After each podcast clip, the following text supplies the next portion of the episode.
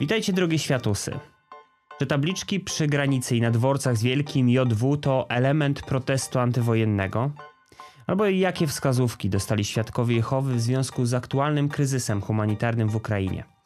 No i czy moralna waga przypadkiem nie pokazuje, że z tej pomocy więcej szkody niż pożytku?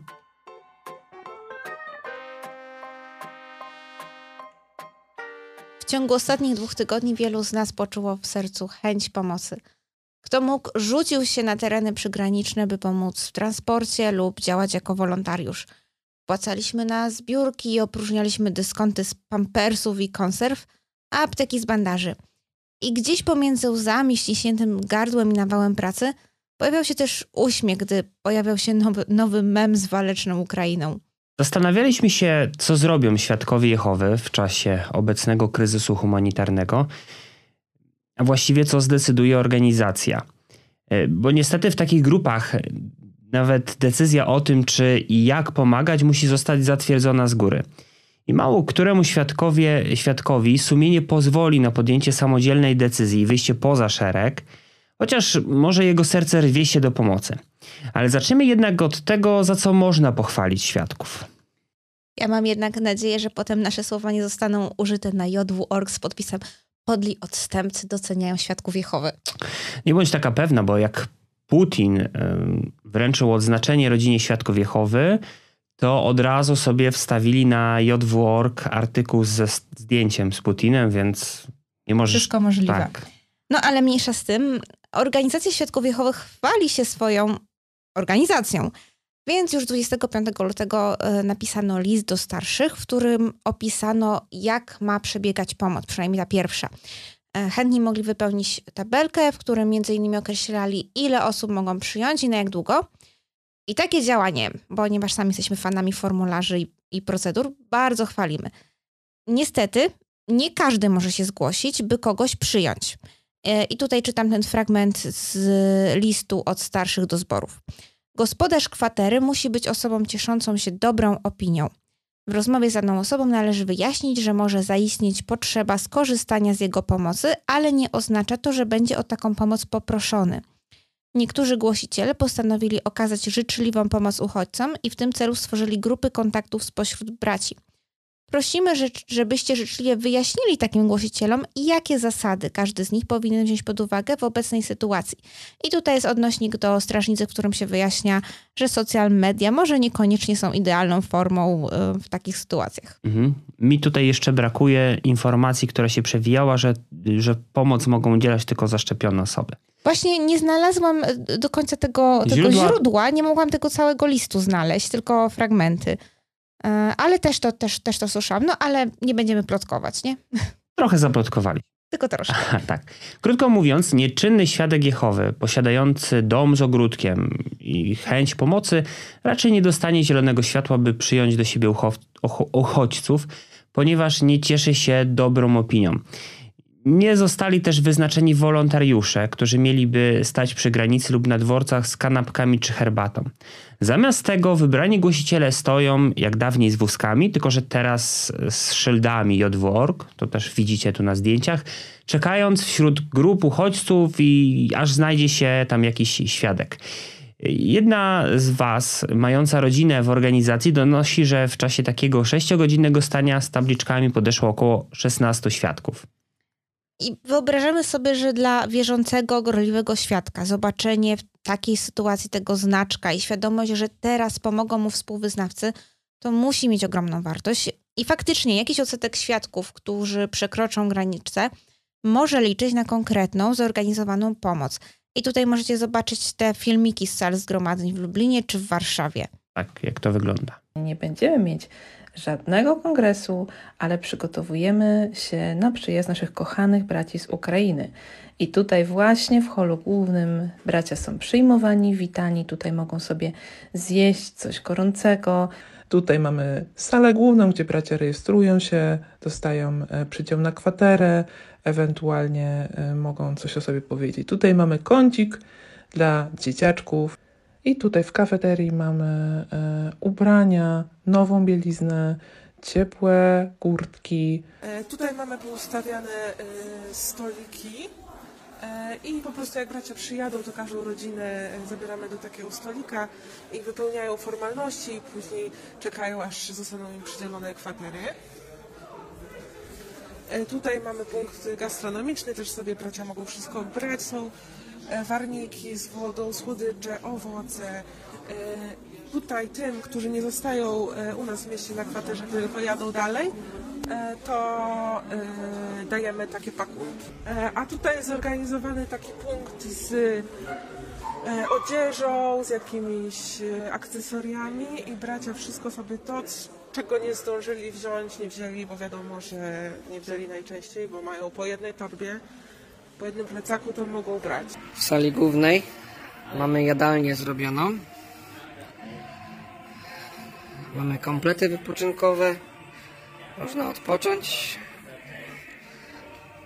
No i piękne dzieło naszych sióstr. Pokój dla dzieci w drugiej klasie. Tutaj takie cichsze miejsce są miejsca do spania. Mamy już działy zakwaterowania i transportu, które będą mogły tutaj kierować braci. I tu są wszystkie dary, które dzisiaj trafiały. Każdy, kto przyjedzie na salę, dostanie dużą torbę tych darów i będzie mógł pojechać na kwaterę. I uwaga, dział sortowni macha wszystkim. Jest, sortownia działa dzisiaj do późnych godzin.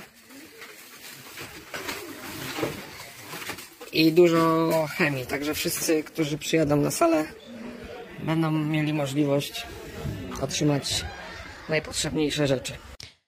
Bardzo byśmy chcieli, żeby to wybrzmiało, bo pomoc jest teraz ważna i potrzebna.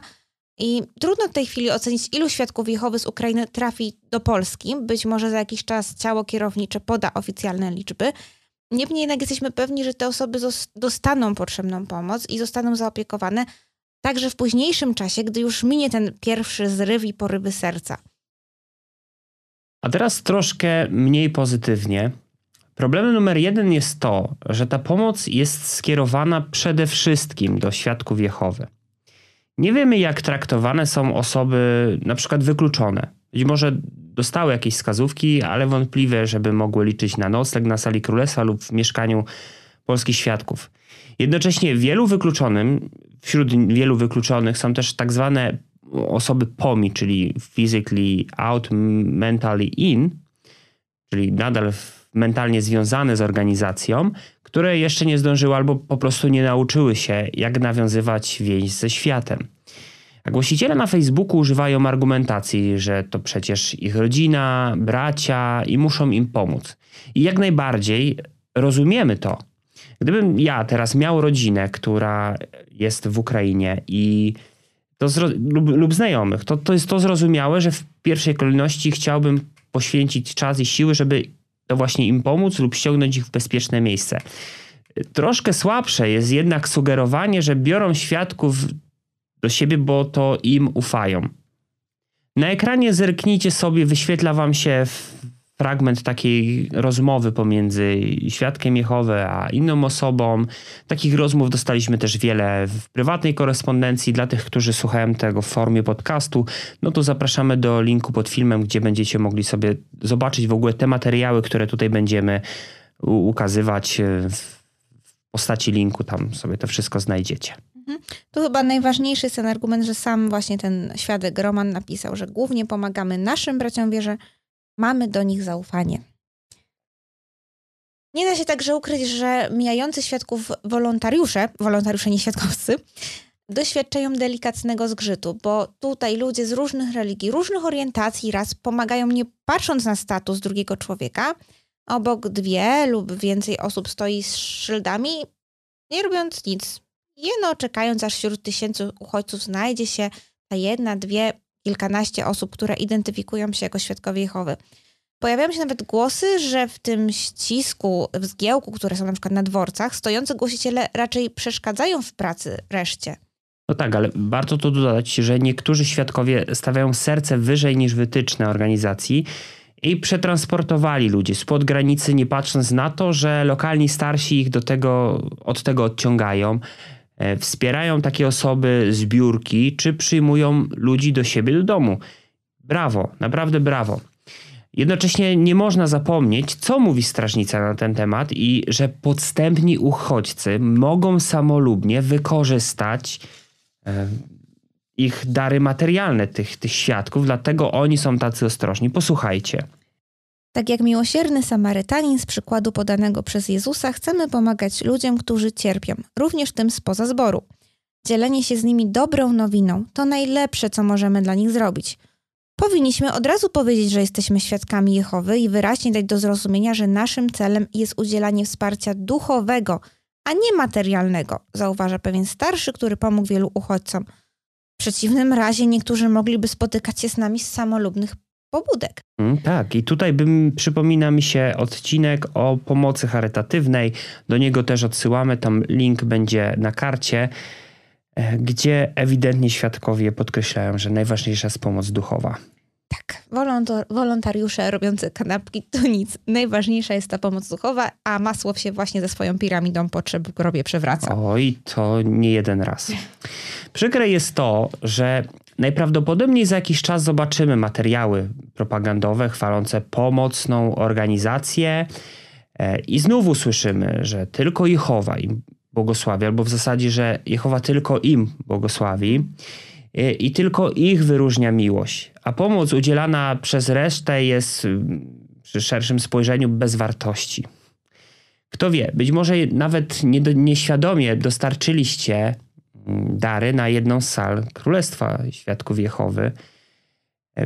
W pierwszym tygodniu, no, czy mówię o tym dlatego, że w pierwszym tygodniu wojny jedna z influencerek, posiadająca no, dużo obserwujących, wspomniała, że zbiera dary dla potrzebujących w Lublinie.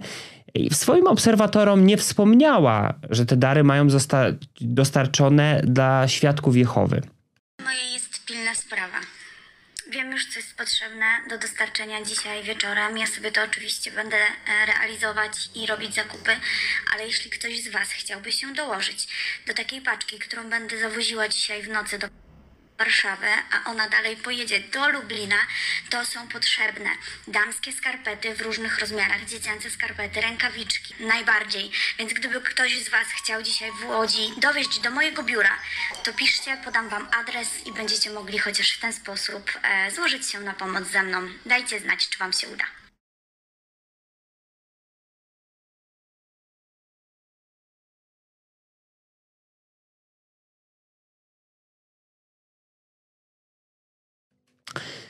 Czemu? Bo zapytaliśmy trochę incognito, y, żeby oczywiście nas nie zdemaskowała, to powiedziała, że nie ma takich wytycznych. Ale czy takie zachowanie waszym zdaniem jest etyczne, żeby lansować się na, mm, na chęci niesienia pomocy, jakby podpinając się pod, pod zbiórkę organizowaną przez kogoś innego? Nie no, wiesz, Edwin, o pomocy zawsze warto mówić, bo dzięki Tak. temu część osób może się poczuć pobudzona i też pomoże.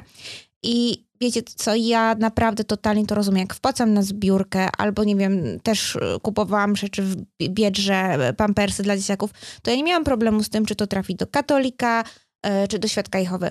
I na jednej biznesowej grupie, w której jesteśmy y, członkami, y, jedna osoba z kościoła adwentystów zamieściła ogłoszenie i nie kryła się z informacją, do jakiej wspólnoty należy, a potem ją podpytaliśmy, czy pomocy udzielają tylko współwyznawcom. I w odpowiedzi usłyszeliśmy, że pomocy udzielają każdemu, kto jej potrzebuje, bo ludzie to ludzie. I tak sobie jednocześnie myślę, że trochę nie fair ukrywać taki fakt, zwłaszcza, że potem pojawiają się takie artykuły, jak ten z portalu Tu Lublin i tutaj możecie go na ekranie sobie wyświetlić. Nie tylko świadkowie pomagają swoim współ- współwyznawcom, ba, cała rzesza ludzi, którzy zostali przez organizację wyznaczeni do zginięcia w Armagedonie, pomaga innym, w tym również świadkom Jehowy. Pytaliście też w wiadomościach, czy ludzie stojący z tabliczkami przypadkiem nie głoszą. No i tu zdania są podzielone, bo jedni uważają, że tylko stoją, by wskazać y, swoim współbraciom miejsce, gdzie mają się udać, co jak już wspomnieliśmy, może być praktyczne i pocieszające dla świadków z Ukrainy. no, swoją drogą też tak myślę, że po prostu jest wtedy mniej osób, które potrzebują jeszcze pomocy, jeżeli części osób już tej pomocy udzielą. Ale z drugiej strony, dlaczego nie napisać po polsku i ukraińsku świadkowie Jehowy? Dlaczego trzeba tu zastosować ich logo, które właściwie jest adresem strony internetowej? I tu ci przerwę i w tym momencie pierwszą rzeczą, którą wchodzimy na stronę jest e, co Bóg sądzi o wojnach, czy to jest znak końca i tego typu podobne artykuły.